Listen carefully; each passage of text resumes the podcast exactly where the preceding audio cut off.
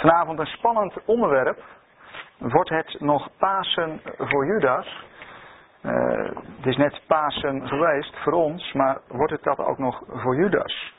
Uh, toen ik uh, hierover nadacht, en ik moet eerlijk zeggen, dit onderwerp heeft me behoorlijk wat voorbereiding gekost.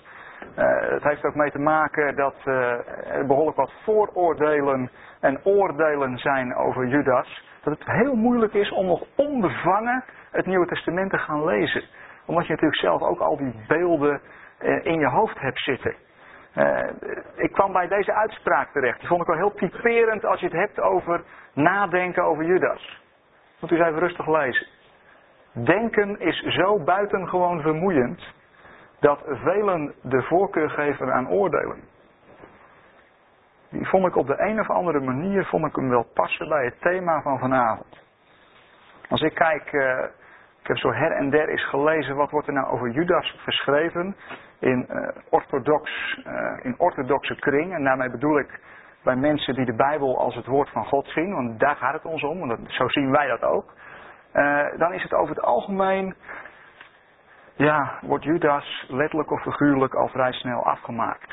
En, en erg veel verder komt men dan niet. Nou, vanavond wilde een poging wagen, en ik zeg niet dat het uitputtend zal zijn hoor, maar een poging wagen is gewoon goed het Nieuwe Testament te gaan lezen van wat zegt de Bijbel nou precies over Judas. En dan eh, komen we aan het slot wel uit eh, of het nog Pasen wordt voor Judas of niet. Eh, ja, hier konden we niet omheen. Hè. Peter had het al aangekondigd. Uh, volop in het nieuws. Ik heb de Discovery, uh, de National Geographic documentaire nog niet gezien. Dus daar kunt u mij meer over vertellen dan ik, dan ik erover weet. Ik heb wel de NCRV documentaire erover gezien. Een hele leuke documentaire trouwens hoor. Uh, dit is zo'n stukje van het Judas-evangelie. Nou, misschien kunt u een stukje voorlezen. Nou, dat valt niet mee, hè? Nou, het is een heel spectaculair verhaal hoe dat document weer tevoorschijn is gekomen. Ik heb begrepen dat het een originele is. In die zin, uh, het is geen vervalsing. Uh, het is uit ongeveer 150 na Christus, het is Judas-evangelie. Maar, om het gelijk even wat te relativeren, het is een van de honderden uh, apocryfe evangeliën, oftewel buitenbijbelse evangeliën, en een van de vele tientallen gnostieke evangeliën. Dus uh, dat relativeert de waarde een klein beetje. In die zin, dit, dit, dit, evangelie, dit evangelie van Judas, wat Judas geschreven zou hebben, maar het is voor het eerst pas in 150 na Christus opgedoken. Dus Judas heeft dat natuurlijk nooit zelf geschreven. maar dat is gnostiek en dat betekent dat betekent zoiets als uh, het gaat om je geest.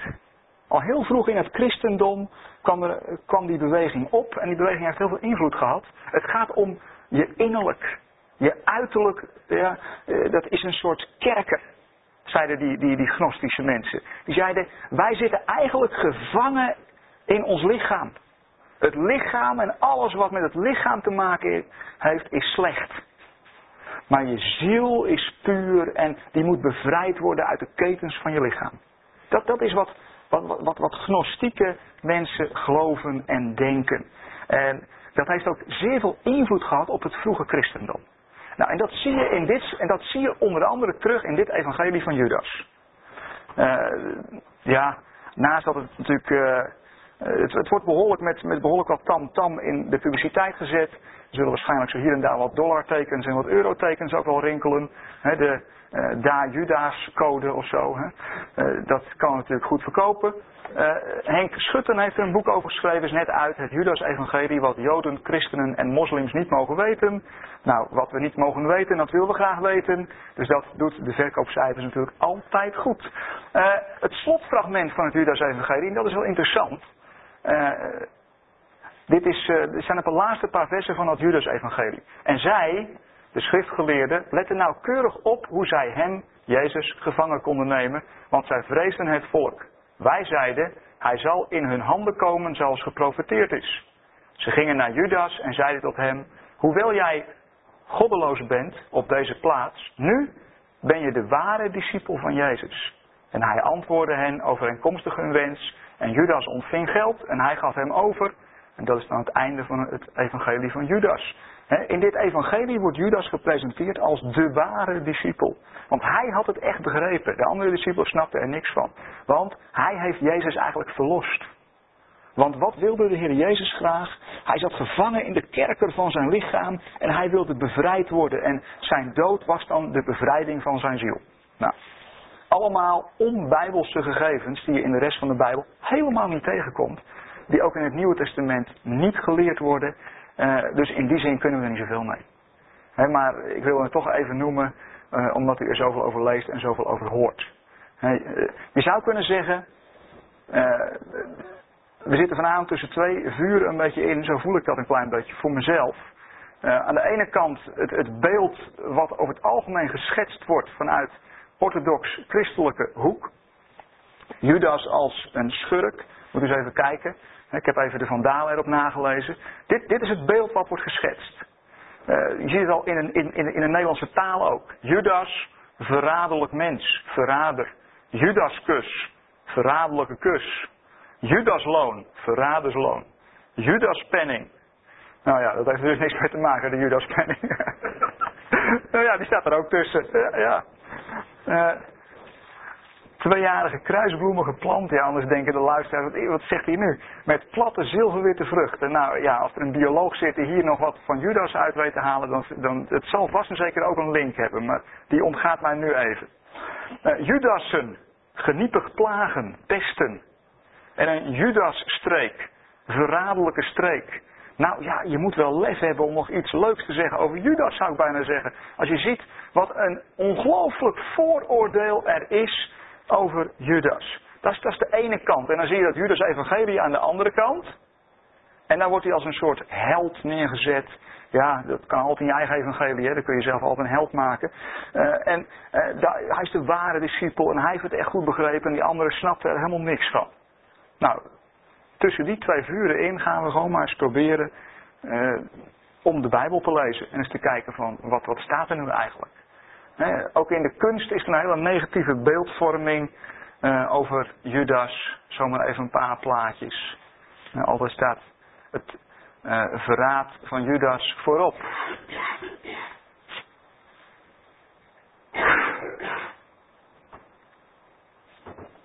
Judas die zijn heer een kus geeft. Ondertussen zie je daar links onderin Petrus nog een oor afsnijden. Het is al met die discipelen van de Heer Jezus. En uiteindelijk laten ze hem allemaal in de steek. Nou, we gaan eens proberen een profiel van Judas te schetsen. Uh, hoe zag Judas er nu uit? Uh, het eerste plaats, het eerste wat opvalt is, Judas is in de Bijbel één van de twaalfen. Oftewel, hij hoort bij de intieme groep rondom de Heer Jezus. Hij is niet zomaar iemand, nee, hij is één van de twaalfen. Uh, een, een, tekst waar je dat bijvoorbeeld vindt is in Matthäus 10. Heb ik... ja, ik heb mijn Bijbels volgens mij nog daar uh, keurig netjes op het hoekje leggen, Peter. Uh, heb ik het wel op de biemen staan, maar ik wil graag ook er wat omheen lezen. Oh, fantastisch. In Matthäus 10, het eerste vers, daar, daar staat... Daarop riep, hij, daarop riep hij, de Heer Jezus, zijn twaalf leerlingen bij zich en gaf hun de macht om onreine geesten uit te drijven en iedere ziekte en elke kwaal te genezen. Dit zijn de namen van de twaalf apostelen. Als eerste Simon, die Petrus genoemd wordt, en zijn broer Andreas.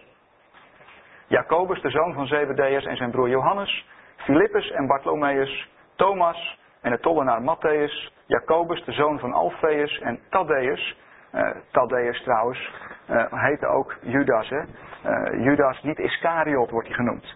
En zijn bijnaam was Thaddeus. Dus bij de twaalf zaten twee Judassen. net zoals trouwens twee Jacobussen. en tenslotte Simon Caneus en Judas Iscariot die hem zou uitleveren. Nou, dat heeft Matthäus natuurlijk later bijgeschreven, want dat was toen nog niet bekend. Dus met andere woorden, Judas Judas was geen randfiguur. Uh, nee, Judas hoorde er helemaal bij. Eén van de twaalfen. Door de Heer Jezus notabene zelf uitgekozen. Uh, Hij heeft ook helemaal deelgenomen die drie jaar aan alles wat de discipelen hebben meegemaakt. Hij heeft meegeleerd, hij heeft meegebeden, hij heeft meegestreden. Hij heeft ook alles achter zich gelaten en hij is de Heer Jezus gevolgd. En hij kreeg ook die autoriteit om onreine geesten uit te drijven, elke ziekte en elke kwaal te genezen. Eh, dat heeft Judas allemaal meegemaakt, dat heeft hij allemaal uh, gedaan. En er zijn trouwens, zei ik al in het Nieuwe Testament, meer Judassen. Uh, denk maar bijvoorbeeld aan de stamvader van de Heer Jezus.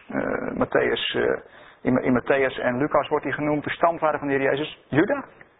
Juda is ook is gewoon de Hebreeuwse naam voor Judas. dus een van de zonen van, van, van Jacob heet ook Juda of Judas. denk bijvoorbeeld ook aan uh, een van de broers van de Heer Jezus. Dat lezen we in Matthäus 13, daar wordt hij genoemd. Een van de vier broers. Jezus had vier broers. En een van zijn broers heette Judas. Uh, waarschijnlijk kent u hem wel van uh, de brief van Judas. helemaal aan het einde van de Bijbel, vlak voor openbaring, heb je het kleine briefje van Judas, de broer van Jezus.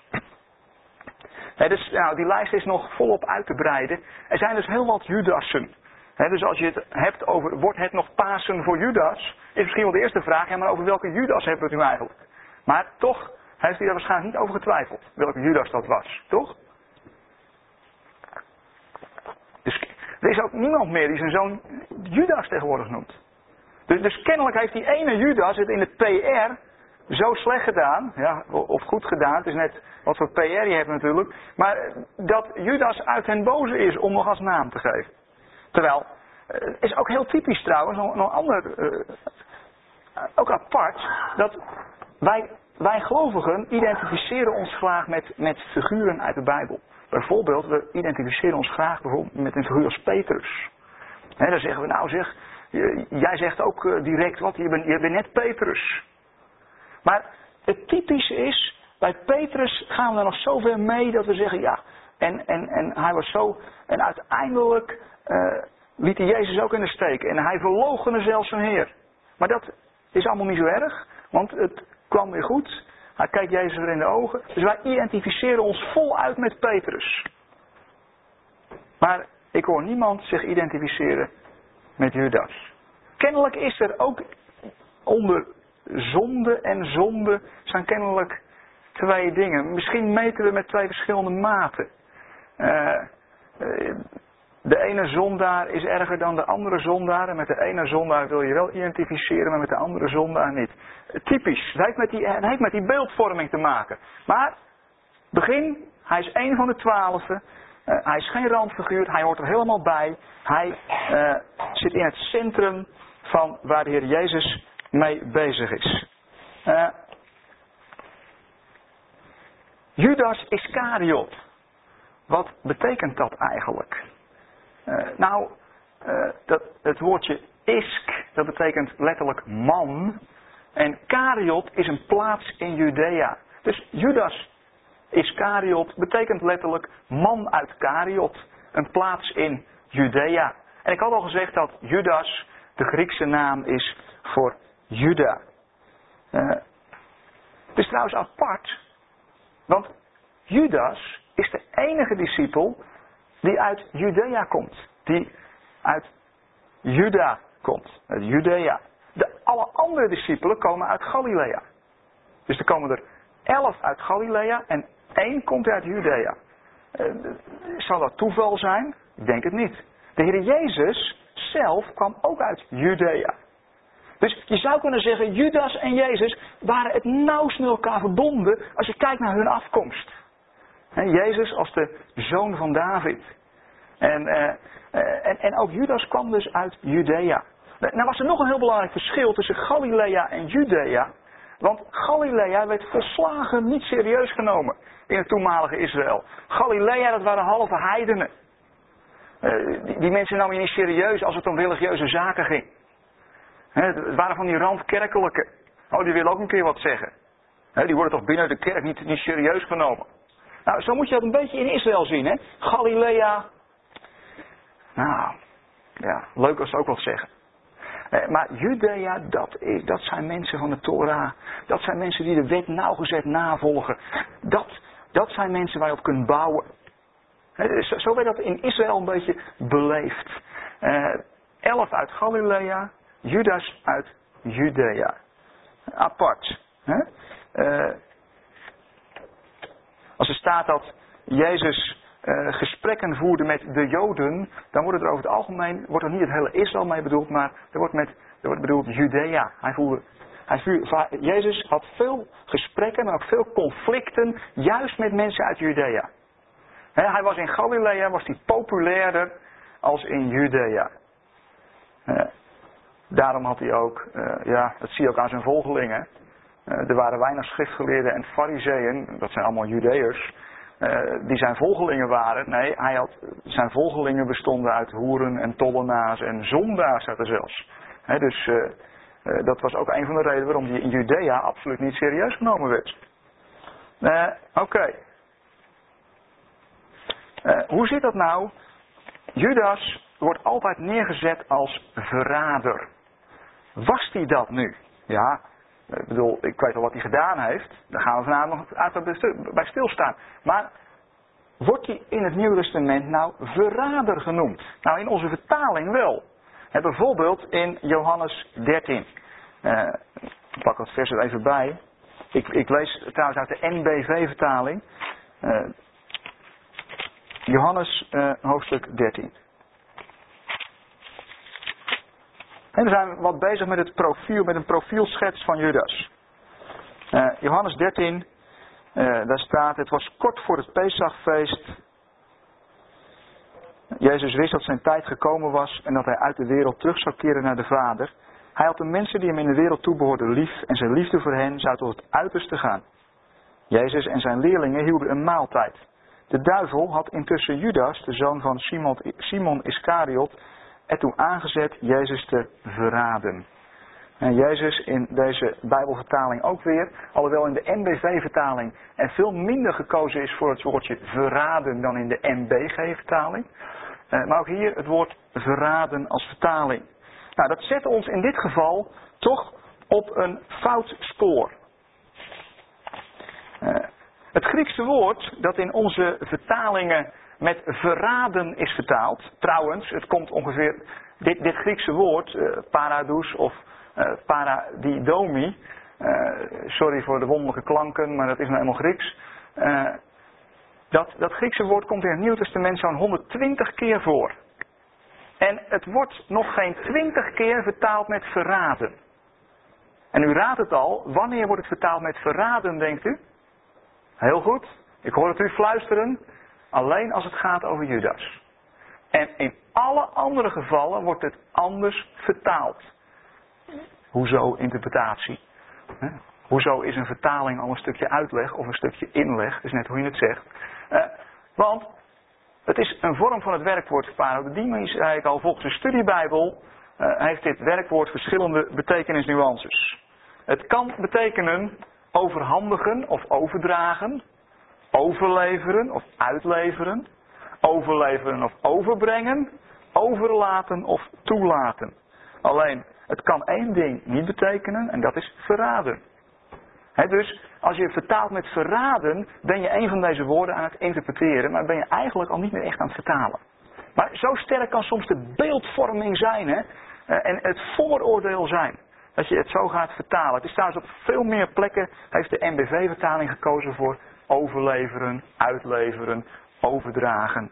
Uh, nou, dat dat woordje uh, paradidomi geen verraden kan betekenen, dat zie je bijvoorbeeld in Romeinen 8, vers 32. Want daar staat het namelijk ook. En als je uh, dat woord gaat vertalen met verraden, moet u eens kijken wat u hiervan dan gaat maken. Uh, daar staat, ik lees even het in het verband, u, u kunt het alvast even lezen. U kunt wel even op laten inwerken, het vers. Uh, ik zoek het nog even op in Romeinen 8. Een schitterend slotakkoord daar van Paulus als hij het heeft over de gigantische liefde van de Heere God die hij ons laat zien in de Heer Jezus. Uh, het begint uh, in vers 31, dit, dit, dit, dit slotakkoord van Paulus in hoofdstuk 8. Wat moeten wij hier verder over zeggen? Als God voor ons is, wie kan dan tegen ons zijn? Zal Hij, die zijn eigen zoon niet heeft gespaard, maar hem omwille van ons allen heeft prijsgegeven, ons met hem niet alles schenken? Zal ik u nu het even vertalen met verraden? Moet eens kijken wat het dan wordt. Zal hij die zijn eigen zoon niet heeft gespaard, maar hem omwille van ons allen heeft verraden, ons met hem niet alles schenken? Dus als je Judas neerzet als verrader, op grond van dat Griekse woord, want dat staat er nu eenmaal, dan moet je de lijn ook maar doortrekken en dan moet je zeggen, ja, als Judas een verrader is, is God zelf ook een verrader. Want dan heeft hij zijn eigen zoon verraden, staat hier. Als je dat Griekse woord met verraden gaat vertalen. Als je het vertaalt met overgeven, heb je geen probleem. Ja, dus uh, was Judas een verrader? Ja, Judas heeft de Heer Jezus overgeleverd. Kun je dat zien als verraad? Dat is wat anders. Maar hij was in die zin geen verrader. Er had er gewoon een ander Grieks woord moeten staan. Dus je moet de Bijbel wel lezen zoals het er staat. Want anders doe je mee aan een stuk beeldvorming, maar niet aan een stuk Bijbeluitleg. Nee. Nog een ander uh, vooroordeel. Want we hebben het over profielschets. Dus dan, ja, dan moet je soms ook even uh, de vooroordelen wat, wat aanpakken. Dat is, Judas was een dief. Even kijken. Judas was een dief. Uh, in Johannes 12 komt dat, uh, komt dat beeld naar voren. En, en, Judas was trouwens ook een dief hoor. Maar uh, op een andere manier als soms wordt gedacht. Hè, want hij wordt letterlijk een dief genoemd in het Nieuwe Testament. Johannes 12.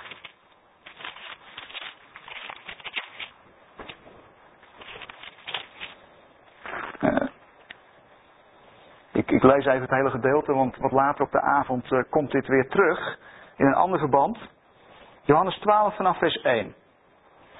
Uh, zes dagen voor Pesach ging Jezus naar Betanië, naar Lazarus, die hij uit de dood had opgewekt. Daar hield men ter ere van hem een maaltijd. Martha bediende en Lazarus was een van de mensen die met hem aanlagen.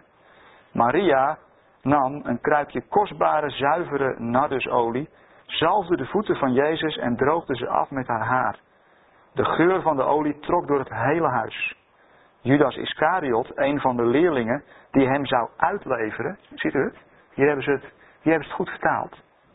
Die hem zou uitleveren, eh, vroeg waarom is die olie niet voor 300 denari verkocht om het geld aan de armen te geven? 300 denari. Heeft u enig idee hoeveel dat is? Maria die, die was hier nou, verkristen ongelooflijk. Want 301 denari is een dagloon. 300 denari zijn dus 300 daglonen. Ervan uitgaande dat je, dat je zes dagen per week werkt, is het dus meer dan een jaarloon. Dus wat Maria hier doet, is eventjes een, meer dan een jaarloon gooit ze zo over de voeten van de Heer Jezus heen. En, en, en Judas, die wordt daar niet goed van. Ja, dat, dat zult u zo meteen beter begrijpen als, als we dit vers hebben, eh, hebben gelezen. Maar Judas, die, nou, die, die kan dat helemaal niet hebben. Er was een penningmeester Judas, hè? Dat ziet u hier. Eh, en, en Judas als penningmeester die dacht van, wat is hier aan de hand? Een meer dan een jaarloon gooit ze zo over de voeten van Jezus zijn. Ja, het ruikt wel lekker, maar... Judas Iscariot, een van de leerlingen. Nou ja, waarom is die olie niet voor 300 denari verkocht om het geld aan de armen te geven? Dat zei hij niet omdat hij zich om de armen bekommerde. Hij was een dief. Hij beheerde de kas en stal eruit. Maar Jezus zei, laat haar. Ze doet dit voor de dag van mijn begrafenis. De armen zijn immers altijd bij jullie, maar ik niet. Vers 7 is heel opmerkelijk, hè? Maria is de enige die doorheeft waar Jezus op dat moment mee bezig is. De andere discipelen die verwachten nog dat Jezus zijn messiaschap zal aanvaarden. Dat hij koning zal worden. Dat hij Romeinen het land uitschopt. Want, want hij gaat het verschil maken. Hij maakt het verschil. Maar Maria heeft goed geluisterd. Ja, Martha was aan het bedienen. Maar Maria luisterde, weet u het nog? Is niks veranderd, hè? Martha is nog steeds aan het bedienen. Ze heeft er niks van geleerd. Maar, maar Maria die heeft goed geluisterd. En Maria die gaat Jezus zalven voor zijn begrafenis. Heel opmerkelijk. En dan, eh, maar dan vers 6 moeten we even bij stilstaan. Hè? Judas als dief. dat zei hij niet omdat hij zich om de armen bekommerde. Hij was een dief. Hij beheerde de kas en stal eruit. He, armen, uh, trouwens, dat, dat uh, uh, Betanië, dat, dat, is heel zinnebeeldig hoor als je het hebt over de armen, want dat betekent het huis van de armen. Dus er zit hier veel meer aan vast dan dit Bijbelgedeelte. Maar goed, we hebben het over Judas, dus we kunnen niet te lang blijven stilstaan bij afzonderlijke Bijbelgedeeltes. nou, letterlijk staat daar, letterlijk staat daar, en de beurs, uh, hij droeg de beurs en datgene wat hem toegeworpen werd. dus uh, hij beheerde de kas en stal eruit. Nee, letterlijk staat hij, hij droeg de kas. Hij, hij droeg de kas. Uh, ja, maar stal je dan niet uit? Jawel, maar op een andere manier. Dus hij bekommerde zich niet om de armen, hij beheerde de kas, hij droeg de kas. Oftewel, de kas bleef dicht. Hij droeg hem. Hij, hij was dicht, die kas. Dus het was niet dat Judas geld stal voor zichzelf. Van nou, ik haal er stiekem wat uit. Nee, zijn diefstal uh, was eigenlijk diefstal tegen, tegen de armen. Want die hadden recht op, maar hij gaf dat geld niet uit. Dus hij hield het in kas. Hij hield het in kas. Hij droeg de kas. Hij gaf het niet aan de armen. En dat was wel de opdracht. dus uh, uh, het probleem is, uh, ja, het eigenlijke probleem is dat hij de, beurs droeg. En hij gaf het niet uit. Hij hield de hand op de knip. hij zorgde dat alles in de beurs bleef. En het gevolg was dat de armen niets kregen. En de armen, ja, die mochten blij zijn dat de rijken af en toe nog eens wat aan hun gaven. Want ja, als je zoals Judas bent, dan blijft de beurs dicht. En dan heeft hij ja, grote voorraden en grote uh, tegoeden, maar de armen die krijgen er niks van. Nou, het lijkt eigenlijk een klein beetje, uh, ja, uh, Judas is in die zin de instandhouder van een systeem. Hij, hij, staat eigenlijk hier symbool uh, voor een systeem wat zichzelf verrijkt, maar wat niet uitdeelt. Rijker worden, maar anderen laat je arm. Een kloppende kas, maar geen kloppend hart. Dus de kas klopte bij Judas altijd, maar er ging niks uit. Dus ja, dan komt Judas al een stuk, dichterbij je. Uh, Judas, ja, je zou kunnen zeggen, leed een beetje aan geldzucht. Hij kon geen geld uitgeven. Ik weet, uh, uh, heel wat jaartjes geleden, ik had nog geen, geen rode cent. maar dan leef je toch een stuk zorgelozer hoor, merk ik. Merkt u het niet? Dat hoe meer je hebt, hoe, hoe moeilijker je het uitgeeft. Ik, ik kwam dus een vriend van mij tegen, dat was in mijn koffiebarperiode van New for Christ. Ze hadden mij toen secretaris gemaakt. Nou, een grote blunder hoor, want ik was een waardeloos secretaris. maar dat is weer een ander verhaal. Maar ze hadden mij secretaris gemaakt en een, een, een, wat ouder iemand, een jaar of tien ouder dan ik, die, zat ook in bestuur. En hij zei, daar kwam ik er naar me toe. Hij zei, Wim, zei hij, weet je nou zo raar is hè? Hij zei, hoe meer ik heb, hoe moeilijker, het, hoe moeilijker ik het kan uitgeven. Dus ik wou mijn bankrekeningnummer al doorgeven en zo. Maar nee, dat, dat bedoelde hij nou juist. Nou, dat is nou typisch Judas. Maar dat is toch het probleem van onze westerse wereld. Dat komt wel heel dichtbij. Hoe meer we hebben, hoe moeilijker we het uitgeven. De kas moet kloppen. En je moet toch wel wat achter de hand hebben. Gaat er niet helaas cent uitgeven aan de armen? Nee, ben je gek? Nou, dus dat was Judas' probleem. In die zin was hij een dief. Nou, hoe mooi kunnen wij ons dan identificeren met Judas? Ik wel in ieder geval. Je, je, je wilt toch je zekerheden inbouwen? De hypotheek moet ook betaald worden. Nou, typisch Judas taal allemaal. Als je hoort van, uh, van, van kerken, maar ook van gemeenten, die ik weet niet hoeveel geld opgepot hebben liggen, want ja, er mochten eens zware tijden aankomen. Ja, maar die zware tijden zijn al lang bezig hoor. Want we hebben namelijk armen in ons midden. En ook als je wat verder weg kijkt. Dus dat is een Judas uh, systeem. Dus Judas als dief, ja, een heel ander soort dief. Hij stal uit de kas door het niet uit te geven. Uh, de rol van Judas gaan we nu naar kijken. De rol van Judas, en ik, ik gooi wat aantekeningen door elkaar, dat vindt hij niet erg, ik zoek het er even bij. Nou, beginnen te lezen bij Matthäus 16. Ik heb er boven gezet gespannen verwachting. Matthäus hoofdstuk 16, er staat iets opmerkelijks. Uh, Jezus staat met zijn discipelen op pad. En hij vraagt aan zijn discipelen van, joh, wie zeggen de mensen nou eigenlijk dat ik ben? Je zou bijna kunnen zeggen, hoe kom ik over of zo? Nou ja, we doen het toch wat anders. We doen het een stukje dieper. Wie ben ik nu volgens de mensen? En uh, ik lees even vanaf vers 13. Toen Jezus in het gebied van Caesarea Philippi kwam, uh, een beetje het noorden van Israël, uh, vroeg hij zijn leerlingen, wie zeggen de mensen dat de mensenzoon is? Ze antwoorden, sommigen zeggen Johannes de Doper, anderen Elia, weer anderen Jeremia of een van de andere profeten. Nou, meningen genoeg. Toen vroeg hij hun, en wie ben ik volgens jullie? En Petrus antwoordt als eerste, uh, u bent de Messias, de zoon van de levende God, antwoordde Simon Petrus. Daarop zei Jezus tegen hem, gelukkig ben je Simon Barjona, want dit is je niet door mensen van vlees en bloed geopenbaard, maar door mijn Vader in de hemel. En dan in vers 20 uh, spreekt hij nog even met zijn discipelen af uh, wat ze met deze uitspraak moeten doen. Of niet mogen doen.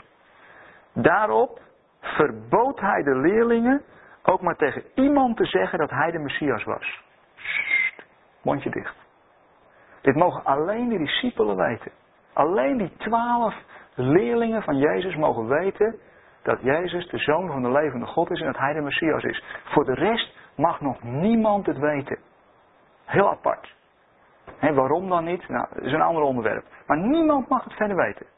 Dus de discipelen die krijgen een spreekverbod.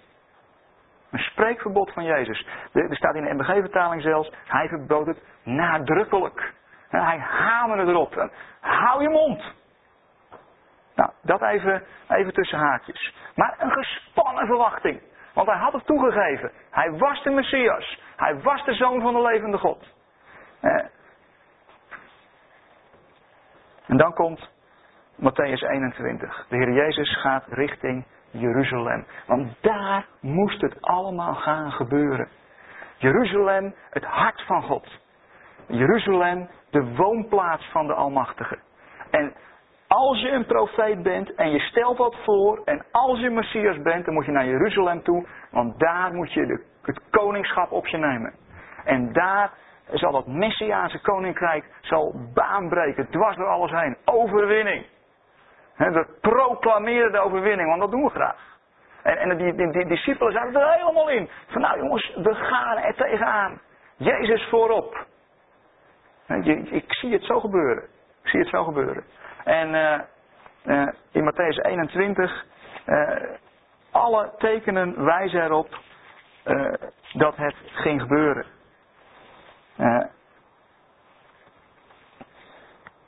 Matthäus 21, vers 6. De leerlingen gingen op weg, hè, ze, ze naderden Jeruzalem.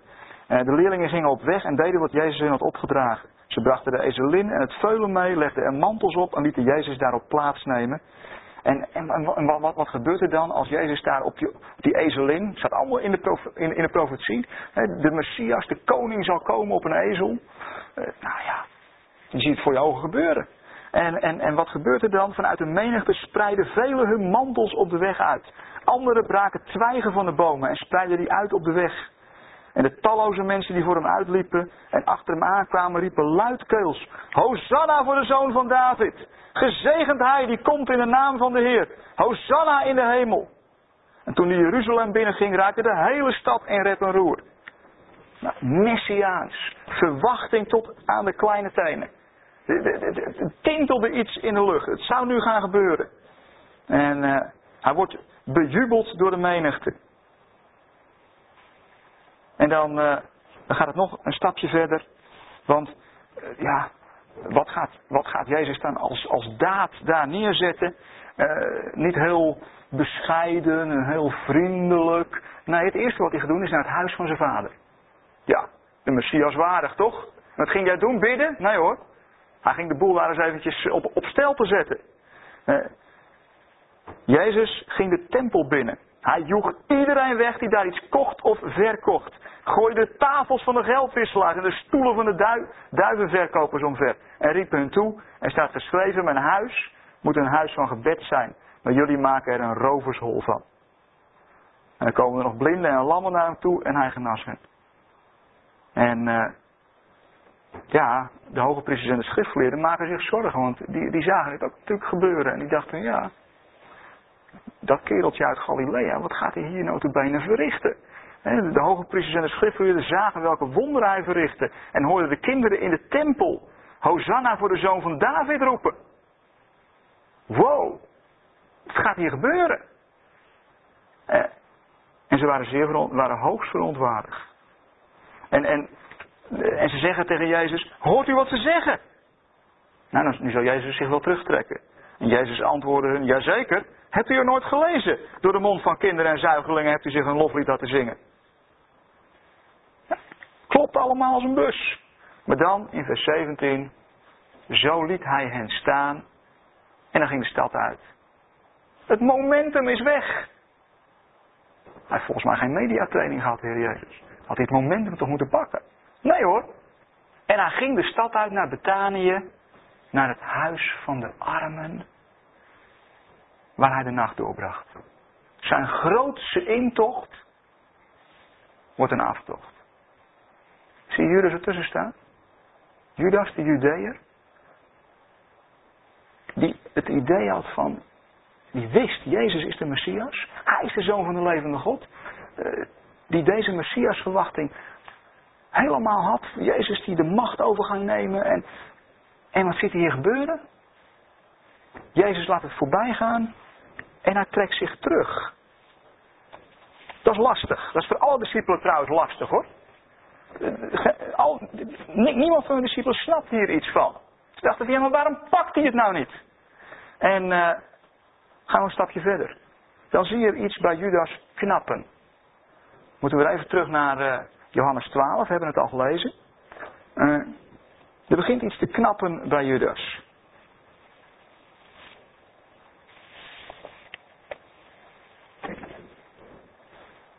Even terug naar Johannes 12 en dan kijken we ook even naar Matthäus 26. Hier zien we uh, de directe aanleiding uh, waarop uiteindelijk Judas de Heer Jezus zou gaan overleveren. Dat is die zalving in Betanië. Zitten we inmiddels zes dagen voor het Pesachfeest. En op het moment dat ze die maaltijd gaan aanrichten, vijf dagen ervoor.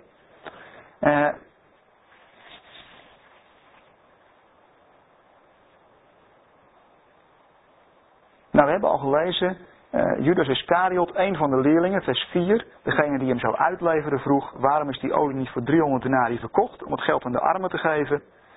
Uh, en dat zei hij niet omdat hij zich om de armen bekommerde. Hij was een dief, hij beheerde de kas en stal eruit. Uh, maar Jezus zei: Laat haar, ze het voor de dag van mijn begrafenis. De armen zijn immers altijd bij jullie, maar ik niet.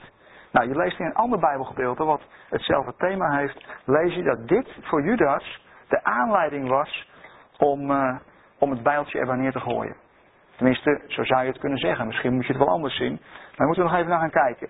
Matthäus 26 gaan we, slaan we nu even op. Matthäus 26. Hm. Nou, daar vind je dezelfde geschiedenis. Jezus met kostbare olie gezalfd. Uh, dan lees ik even vanaf vers 10. Jezus hoorde het, dus uh, precies hetzelfde verhaal. Jezus hoorde het en zei, waarom vallen jullie deze vrouw lastig? Zij heeft iets goeds voor mij gedaan. Want de armen zijn altijd bij jullie, maar ik zal niet altijd bij jullie zijn. Door die olie over mij uit te gieten, heeft ze mijn lichaam voorbereid op het graf. Ik verzeker jullie, waar ook ter wereld het goede nieuws verkondigd zal worden, zal ter herinnering aan haar verteld worden wat zij heeft gedaan. En nu knapt er iets bij Judas. Lees je in vers 14. Daarop toen Judas dat had gehad. Judas die, die, die, was al in Matthäus 21. Hij was al teleurgesteld door de aftocht van Jezus. Eh, maar goed, hij kwam weer terug in Jeruzalem de volgende dag. Maar nu gaat de Heer Jezus praten over zijn begrafenis. dat gaat niet goed hoor. Dat gaat niet goed. Begrafenis. Hij moet koning worden. En tweede motief van Judas. Eh, 300 denari. Zomaar over de toonballen gesmeten. Dat is voor iemand die geen geld kan uitgeven, is het natuurlijk een rampzalige gebeurtenis. En, en dan gaat de Heer Jezus nog goed praten ook. Op, met het oog op zijn begrafenis. Niet, als hij nou nog had goed gepraat met het oog op zijn komende koningschap, nou daar kun je nog wat mee. Maar met het oog op zijn begrafenis. Uh, twee dingen. En Judas knapt af. En uh, op grond hiervan gaat hij. Daarop ging een van de twaalf die met de naam Judas Iscariot naar de hoge priesters en zei: Wat krijg ik van u als ik hem aan u uitlever? Ze betaalden hem dertig zilverstukken. Vanaf dat moment, dus hij levert het nog niet uit, maar hij sluit een deel. Vanaf dat moment zocht hij een gunstige gelegenheid om hem uit te leveren of om hem over te leveren. Nou, wat krijgt Judas? 30 zilverlingen. Hoeveel is dat? Nou, 1, 4 denari is één zilverling. Dus 30 zilverlingen is 120 denari, oftewel 120 daglonen. Dus zeg maar ja, 3,5, 4 maanden salaris. Dat krijgt hij. Dus ook nog steeds wel een aanzienlijk bedrag. Uh, Oké, dus dit, dit, ja, hierop uh, knapte er iets bij, uh, bij Judas. En we hebben twee motieven nu gezien voor zijn daad. Het ene motief zou je kunnen noemen geldzucht. Uh, hij kon dat gewoon niet, niet aan. het tweede motief is, ja, Jezus maakt zijn verwachting niet waar. Zijn verwachting om koning te worden maakt hij niet waar. Maar dat tweede motief, daar komen we zo meteen nog even op terug.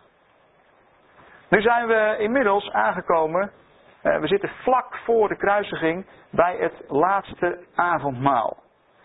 Uh, gaan we even zo meteen wat lezen met elkaar. Uit Matthäus 26.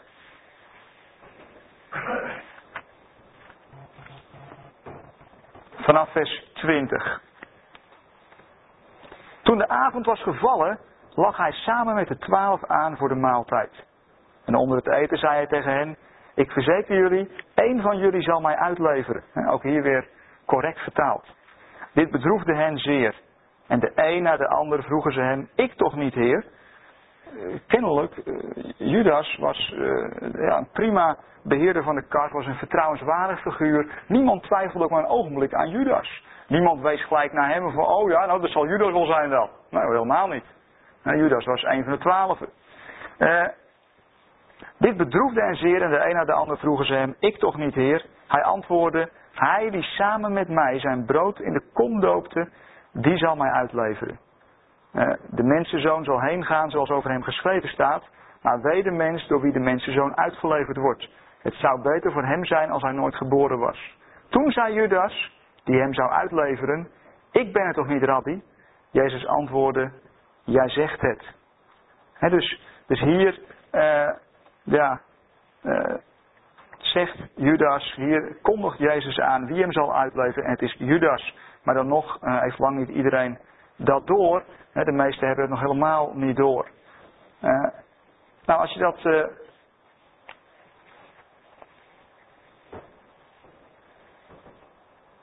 Even een klein stukje verder. Marcus, dat nog even lezen, hetzelfde gedeelte. Marcus 14. En daar kom ik dan zo even op terug.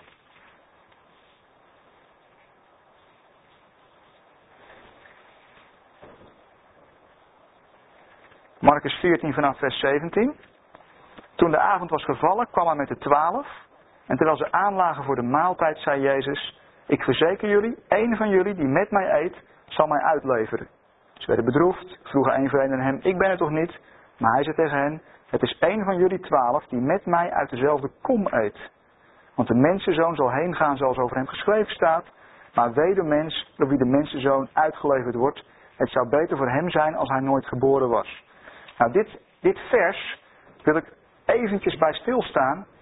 Want dit vers is, uh, in, uh, ja, is in de beeldvorming rond Judas uh, uit en te treuren uitgemeten. zie je wel, Judas heeft een ongelooflijke, is verdoemd. Het was zeker, het was zelfs voor Judas beter geweest dat hij nooit geboren was. Ja, één ding waar je geen invloed op hebt, is je eigen geboorte. En als je zo'n keiharde tekst zegt van Judas was beter voor jou geweest als je nooit geboren was. Ja, ja dan, dan kunnen we verder wel ophouden. om nog iets positiefs, een poging te wagen iets positiefs over Judas te zeggen. Dit is een letterlijke vertaling van dat vers. Matthäus 14, Marcus 14 vers 21 staat hetzelfde vers als Matthäus 26. Dus dit is een letterlijke vertaling van uh, maar wee de mens door wie de mensenzoon uitgeleverd wordt, het zou beter voor hem zijn als hij nooit geboren was. Uh, wat staat er nou letterlijk in het Nederlands? Uh, ik zal het in het Engels niet al te veel, we het even kunnen lezen, wat er in het Engels staat. Letterlijk in het Nederlands staat dit. De zoon des mensen gaat wel heen gelijk van hem geschreven is, maar wee die mens door wie de zoon des mensen overgegeven wordt. Het ware voortreffelijk voor hem, zo die mens niet geboren was. Moet u even goed opletten, uh, want hier klinkt wat in door. Uh, er staat twee keer, er staat twee keer hem. Ziet u dat? Door de, de zoon mensen gaat wel heen gelijk van hem geschreven is. En in het tweede vers staat er nog een keer hem. Uh, het waren voortreffelijk voor hem, zo die mens niet geboren was. Twee keer hem. Op wie slaat het eerste hem? Ja, het, is geen, het is geen woordspelletje hoor, maar we gaan even goed kijken wat hier staat. Het eerste hem, de zoon des mensen gaat wel heen gelijk van hem geschreven is, slaat op de Heer Jezus. Ziet u dat? Dus het tweede hem slaat ook op de Heer Jezus. Want het is hetzelfde zinsverband. Uh, dan gaan we kijken naar die mens. De zoon des mensen gaat wel heen gelijk van hem geschreven is. Maar wee die mens door wie de zoon des mensen overgegeven wordt. Wie is die mens? Dat is Judas. want door Judas wordt de Heer Jezus overgeleverd. Het waren voortreffelijk voor hem, zo die mens niet geboren was. Dus die mens, Judas.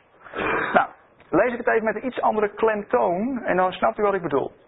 De zoon des mensen gaat wel heen gelijk van hem geschreven is, maar wee die mens door wie de zoon des mensen overgegeven wordt. Het waren voortreffelijker voor hem, zo die mens niet geboren was.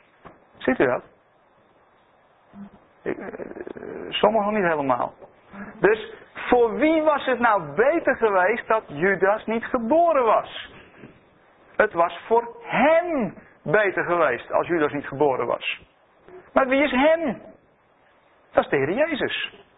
Dus vanuit het tekstverband, als je het letterlijk leest, dan kom je tot een hele andere interpretatie als die de NBV-vertaling kiest. Want die kiest de interpretatie, het was voor Judas beter geweest als hij niet geboren was. Nee, dat staat hier niet. Er staat, het was voor hem, voor de Heer Jezus, beter geweest als Judas niet geboren was. Hoezo dan? Nou, het was voor Judas veel beter geweest om geboren te worden. Denk ik, want ik denk dat het nog Pasen voor hem wordt. Ja? Nou, dan kun je maar beter wel geboren zijn. Want dan maak je paasfeest mee. Maar het was voor de Heer Jezus op dat moment beter als Judas niet geboren was. Moet u zich eens voorstellen, er staat ook, uh, staat ook bij, uh, Even kijken. Uh, ik pak ook nog even de NBV-vertaling erbij. Uh. Er staat, wee de mens door wie de mensenzoon uitgeleverd wordt. Wee de mens. En het woordje wee, wat er staat, uh, ja, dat, dat, dat kan een soort oordeelsaankondiging zijn. Het hoeft helemaal niet. Het is ook een soort uitroep, een soort van beklaging. Jezus beklaagt het lot van Judas. Jezus, eh, want, want Judas is zijn vriend. Hij heeft heel intiem drie aan met hem opgetrokken. En Jezus beklaagt als het ware, want hij weet wat Judas te wachten staat. Hij weet waar Judas doorheen gaat. Judas heeft zelf geen flauw benul waar hij mee bezig is. Doe, maar Jezus weet al precies waar Judas doorheen gaat. Hij weet al dat Judas hem zal gaan overleveren. Hij weet al wat een gruwelijk einde Judas daarna zal wachten. En hij beklaagt Judas. Het is als het ware een liefdes. Het is, dus, dus deze uitspraak van Jezus is geen doem op Judas. Het is een uitspraak van vol liefde en ontferming voor Judas. Want hij gunt hem dat niet. Dat Judas die rol moet gaan vervullen. Dat gunt hij hem niet. Hij beklaagt zich over Judas.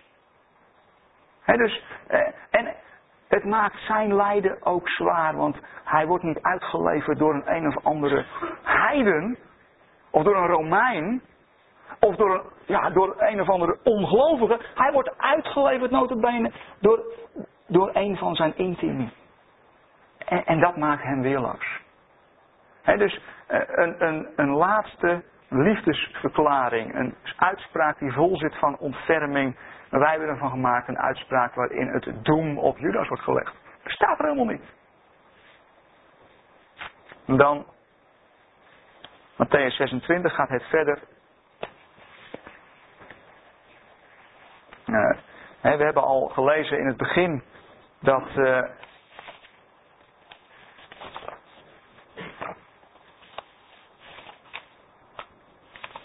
Even kijken waar dat ook alweer stond. Dat de duivel in Judas voer. dat is een ander motief om uh, de Heer Jezus uh, over te leveren. In uh, Johannes 13 hebben we dat al gelezen.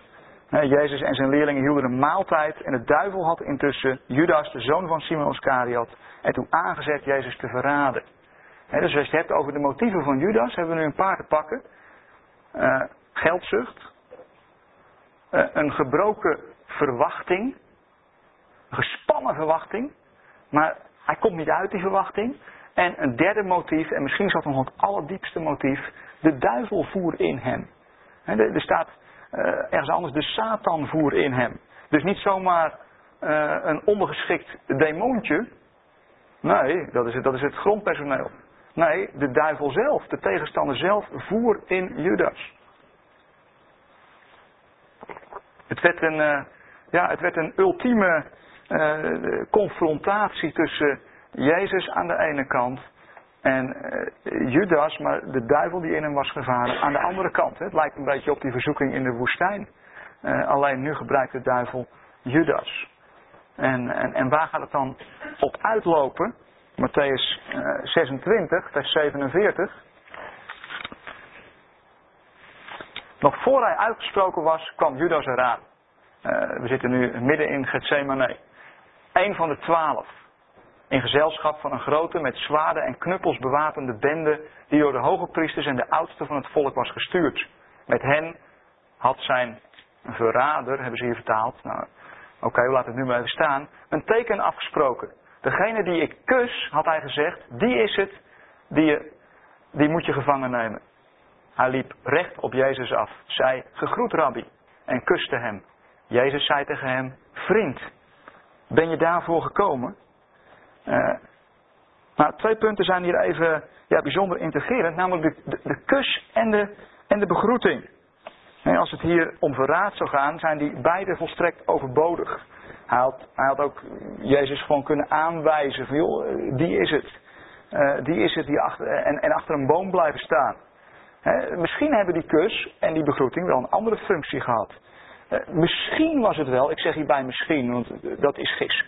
Eh, eh, misschien was het wel een laatste wanhoopdaad van Judas om iets anders te bereiken.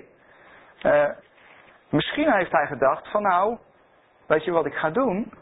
Ik ga de Heer Jezus provoceren.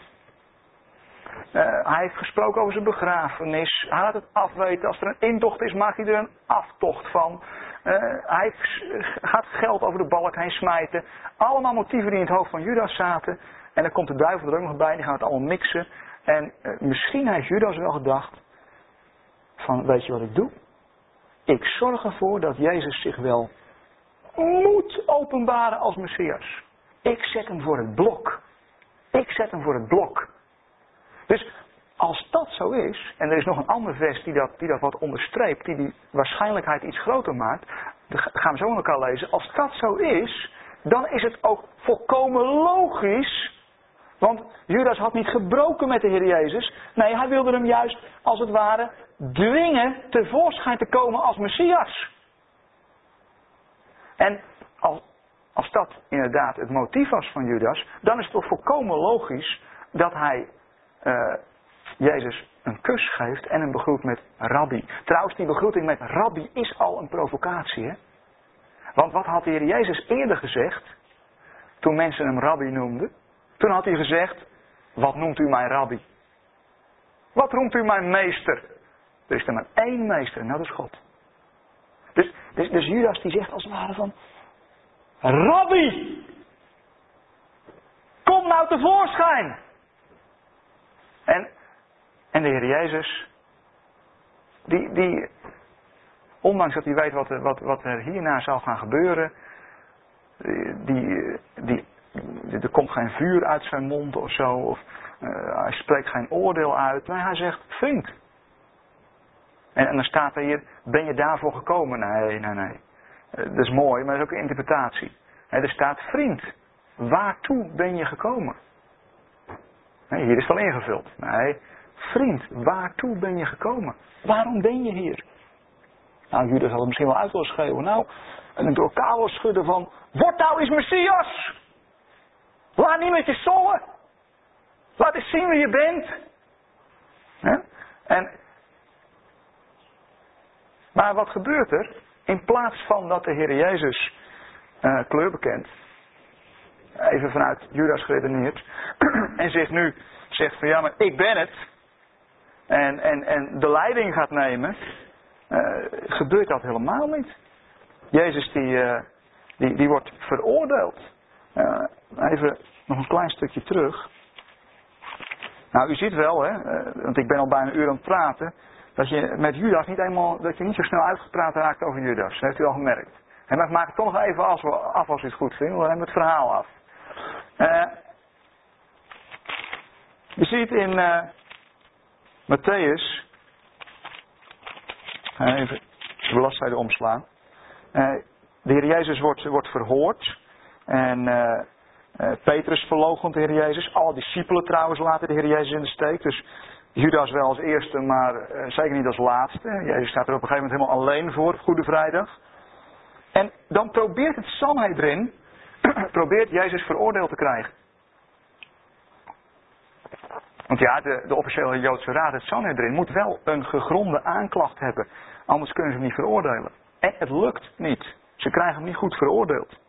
Er komen allerlei beschuldigingen, maar het is allemaal kwats. Het heeft geen grond. En dan neemt de hoge priester, eh, als het dan echt misdreigt te lopen, neemt de hoge priester in Matthäus 26 zelf het woord. Vers 62. De hoge priester, Matthäus 26, vers 62. De hoge priester stond op en vroeg hem, Waarom antwoordt u niet? U hoort toch wat deze getuigen zeggen? Maar Jezus bleef zwijgen. Namelijk, ja, die getuigen die, sloegen geen, die sneden geen hout, dus ze konden niet veroordelen. En de hoge priester zei, laatste actie van de hoge priester, ik bezweer u bij de levende God. Zeg ons of u de Messias bent, de Zoon van God. Hoe wist hij dat? Hoe wist die hoge priester dat? Wie had hem dat verteld? We hebben al eerder gelezen in Matthäus 16 dat de Heer Jezus, die van zichzelf, waarvan Petrus zei, u bent de Messias, de Zoon van de levende God. Er was verder niemand in Israël die dit zei. Geen van de mensen, ook niet de priesters, ook niet de hoge priesters. Hoe konden ze dit weten? Hoe kon die hoge priester dit weten? Nou, toen ben je de top van het geestelijke establishment. Hoe kon je dat weten? Wie had er net een deal gesloten met de top van het geestelijke establishment? Judas. Hoe zal die hoge priester nou aan deze informatie gekomen zijn? Nou, het lijkt me dan duidelijk. Had hij, Judas had uit de, uit de school geklapt. Judas had dat de hoge priester verteld. Misschien wel met de intentie van, nou, als je hem daarmee confronteert, van u bent de Messias, u bent de Zoon van de levende God, dan moet hij wel ja zeggen. Daar kan hij niet onderuit.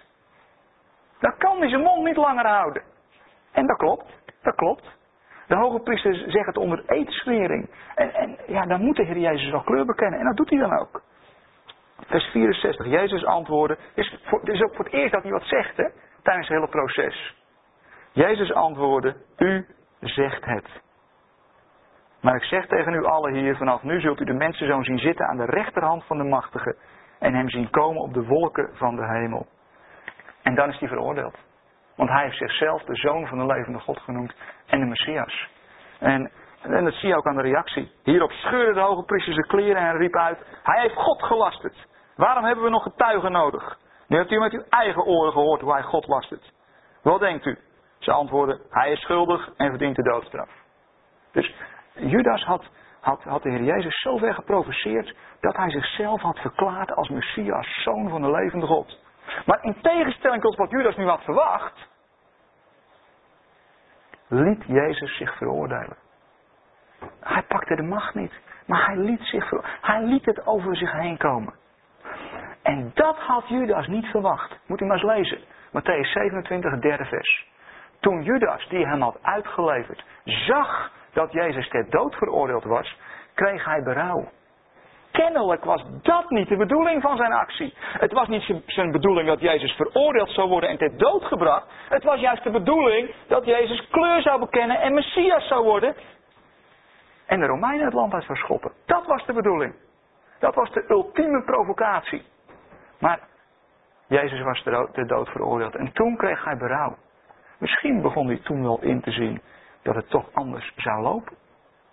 Misschien kreeg hij toen die klik al die Maria al eerder had.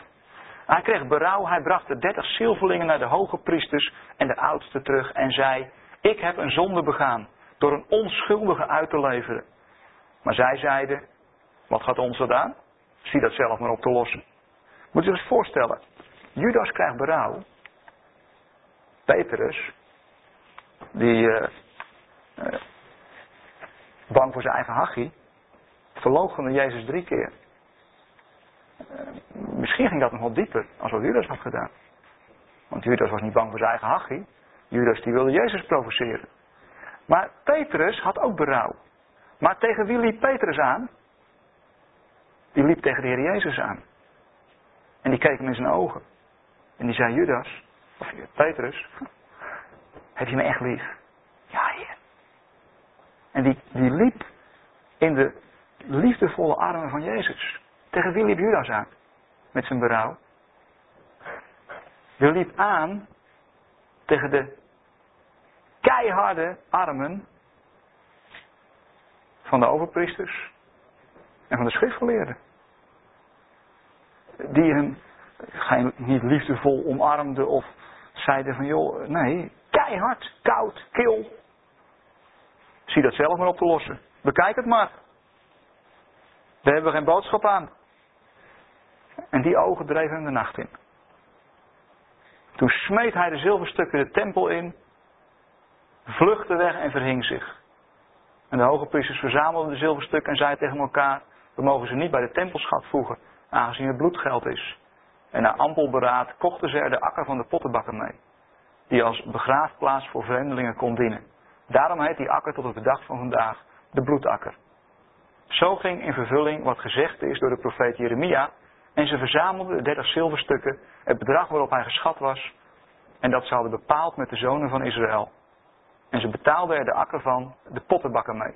Zoals de Heer mij had opgedragen. Wonderlijk hoor. De, de, akker van de pottenbakker wordt ermee betaald. Er zit een heel verhaal aan vast. Laten we nu even zitten. Uh, trouwens, in vers 9 zo ging in vervulling wat door de profeet Jeremia gezegd is. Uh, ik, uh, Jan Geert wees mij erop. Die zei, joh Wim, weet je dat het helemaal niet staat in Jeremia? Die staat niet in Jeremia. Je mag heel Jeremia op nalezen, maar deze, deze uitspraak vind je niet terug in het boek Jeremia. Apart hè? Maar wat zou daar nou achter kunnen zitten? Augustinus die denkt uh, dat Matthäus hier uit zijn hoofd citeert. En Matthäus vergist zich. Ja, vergissing is menselijk. Dat denkt Augustinus.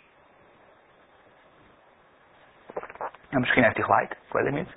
Maar een andere uitleg is, die vind ik ook wel heel toepasselijk, zeker als je kijkt naar het Joodse denken. Een andere uitspraak is, ja, maar er staat hier, zo ging in vervulling wat gezegd is door de profeet Jeremia. Dus er staat niet dat je het terugvindt in, het in de geschreven boekrol van Jeremia. Nee, dat is een ander verhaal. Er staat niet zoals geschreven staat in Jeremia. Het staat er namelijk niet in geschreven. Maar het is wel iets, en dat kun je wel terugvinden in het Jodendom, wat bij de mondelinge overlevering hoort en wat gesproken is door Jeremia. Dus ja, als je het zo simpel neemt zoals het staat, eh, heb je geen probleem. Het is dus gezegd door Jeremia, maar het staat niet in het boek Jeremia. Nou, oké. Eh, nou, die, die, die zilverstukken, uh, daar komen misschien zo nog even op terug. Nou, laat ik niet op alles terugkomen, want we zitten al aan onze uur. Dus ik kom daar niet meer op terug. als u een vraag over stelt, dan beantwoord ik hem graag. Judas, type van het Joodse volk. Judas is op, op verschillende manieren een, een type van het, van het hele Joodse volk. Even, even een paar lijnen. Judas levert Jezus over om te worden gekruisigd. Later doet het volk dat nog eens over. En die zeggen, kruisigt hem, kruisigt hem. Wat is de reactie van de Heer Jezus trouwens ten opzichte van het volk? Waar dus ook Judas bij hoort. Vader, vergeef het ze, want ze weten niet wat ze doen. Dat zijn de laatste woorden als het gaat uh, wat Jezus tegen het volk zegt, tegen Juda zegt. En daar hoort Judas natuurlijk ook bij. Judas komt om en zijn land wordt een woestenij. Dit geldt voor Judas, maar ook enkele tientallen jaren later voor het hele Joodse volk. het, het, Joodse volk, uh, het land van het Joodse volk, de Joden zijn velen letterlijk maar omgekomen. Hun land is een woestenij geworden tot aan de vorige eeuw aan toe notabene. Door Judas zijn bloedprijs, hebben we net gelezen, werd er ruimte gemaakt voor de vreemdeling, voor de niet-Jood. Moet u eens kijken. Uh, er werd een, een stukje grond meegekocht, de akker van de pottenbakker, en die diende vanaf toen als begraafplaats voor de vreemdelingen, letterlijk voor de niet-Joden. Dus die prijs die Judas kreeg, zijn bloedprijs, werd gebruikt voor de om ruimte te bieden aan de niet-Joden. Nou, wat is nou het, het, hele heil, de hele heilshistorie in een notendop? Uh, het Joodse volk maakt ruimte voor de heidenen, maakt ruimte voor de niet-Joden. Dat is het geheimenis waar Paulus het over heeft in Romeinen 9 tot en met 11. Dus ook dit is weer getypeerd in Judas. Nog een laatste typering. Eh, we zijn, zijn niet uitgeput, er zijn er meer te noemen, maar even, nu even genoeg. Een laatste typering. Judas was geroepen als beheerder van de kas, als, uh, was hij geroepen om, zijn, om de rijkdom door te geven aan de behoeftigen. Zo was ook het Joodse volk geroepen om de rijkdom die zij hadden ontvangen door te geven aan de behoeftigen, namelijk degenen die zonder het licht van het Torah zaten, die dus in die zin heel arm waren dus we zijn er, zo is Judas in allerlei uh, manieren is hij een type van het Joodse volk. Judas zijn lot. Handelingen 2. Uh, daar is, heeft Petrus het woord. Israëlieten, luister naar wat ik u zeg. Jezus uit Nazareth is door God tot u gezonden. Hetgeen gebleken is uit de grote daden en de wonderen en tekenen die God, zoals u bekend is, door zijn toedoen onder u heeft verricht. Deze Jezus, die overeenkomstig Gods bedoeling en voorkennis is uitgeleverd, hebt u door heidenen laten kruisigen en doden. In vers 23 vind je, ja, vind je Gods timing en menselijke timing. Gecombineerd in één vers. Ziet u dat? Uh, wat was Gods timing? Gods timing was dat Jezus overeenkomstig Gods bedoeling, volgens zijn raad, volgens zijn plan en zijn voorkennis, is uitgeleverd. Maar u hebt hem door heidenen laten kruisigen en doden. Dus hier heb je Gods plan en de menselijke daden. En die, die sluiten naadloos in elkaar aan. Eh, zijn daarom die menselijke daden, ben je daarom niet verantwoordelijk voor wat je doet? Ja, natuurlijk wel. Tuurlijk ben je wel verantwoordelijk. Maar God is de eindverantwoordelijke, die heeft de regie in handen. Hij heeft die regie nooit uit handen gegeven. Ook hier niet, of misschien wel juist hier niet. Uh, handelingen 3 gaat het nog een stap verder. Volksgenoten, zegt Petrus, ik weet dat u uit onwetendheid hebt gehandeld. Evenals uw leiders. Onwetendheid. Zoals ook Judas ten diepste uit onwetendheid handelde. We hebben met elkaar al een aantal aanwijzingen voor bekeken. Wil ik daar Judas vrijpleiten? Nee hoor, hij was verantwoordelijk voor wat hij deed. Uh, notabene, uh, hij heeft de consequentie daarvan uh, aan den lijve letterlijk ondervonden. Zo'n gruwelijke dood wens je niemand toe. Eh, zo heeft God echter in vervulling doen gaan wat hij bij monden van alle profeten had aangekondigd. Hier zie je weer menselijk handelen, goddelijke timing, uh, wonderlijk. Je zou bijna denken dat God de regie had. Uh, dat zijn Messias zou lijden en sterven. Wend u dan af van uw huidige leven, keer terug tot God om vergeving te krijgen van uw zonde. dus, uh, dus ook Judas hoort bij dat onwetend zijn. en nu zijn we volgens mij bij de laatste dia gekomen. Maar de ene laatste. Jezus in controle heb ik deze genoemd. Eh, kon Judas, of wie dan ook, er wel voor zorgen dat Jezus zou worden overgeleverd? Kon dat eigenlijk wel? Nee, dat kon eigenlijk helemaal niet. Moet u eens luisteren wat de Heer Jezus daar zelf over zegt. Dat, dat, dat denk je wel dat je dat kunt. En Judas dacht wel dat hij dat kon. Maar moet eens lezen, Johannes 10. Wat de Heer Jezus over zichzelf zegt. De Vader heeft mij lief omdat ik mijn leven geef. Omdat ik mijn leven geef. Om het ook weer terug te nemen. Niemand neemt mijn leven. Judas niet. Pilatus niet. Het Joodse volk niet. De Romeinen niet. Niemand neemt mijn leven. Ik geef het zelf. Ik ben vrij om het te geven en om het weer terug te nemen. Dat is de opdracht die ik van mijn vader heb gekregen dus Judas speelt een rol. En het is, uh, het is echt geen frisse rol. Daar wil ik niks van goed praten. Judas speelt een rol. Maar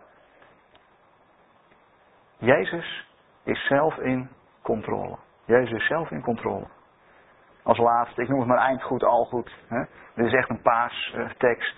Romeinen 5. Uh, eh, en daar kun je Kortom, zoals de overtreding eh, van Judas, laat ik hem eens even noemen, van één mens, was Adam, uh, vooruit hebben we het dan weer voor Judas. En zelfs dan was het alleen die overtreding van Judas. Uh, en toen heeft geleid dat alle mensen werden veroordeeld. Nou, daar heeft die overtreding van Adam toe geleid. Zo zal de rechtvaardigheid van één enkel mens ertoe leiden dat allen worden vrijgesproken en daardoor zullen leven. Zoals door de ongehoorzaamheid van één mens alle mensen zondaars werden, zo ook Judas. En zo ook wij. Ik denk niet dat we zoveel beter zijn dan Judas. Uh, we hebben geprobeerd de Bijbel eerlijk te lezen. En ja, zo af en toe denk ik van oeps, dit lijkt wel erg veel op mij. Uh, alle mensen zondaars werden, zo, zo, zo, zo, zullen door de gehoorzaamheid van één mens alle mensen rechtvaardigen worden. En dan wordt het ook Pasen voor Judas. En dan is het, zijn we hard toe aan een kopje koffie, denk ik. En dan mag u na de pauze maar nog heel wat vragen stellen. Eh, Peter wil denk ik nog even iets zeggen, klopt dat? Ik dacht het wel.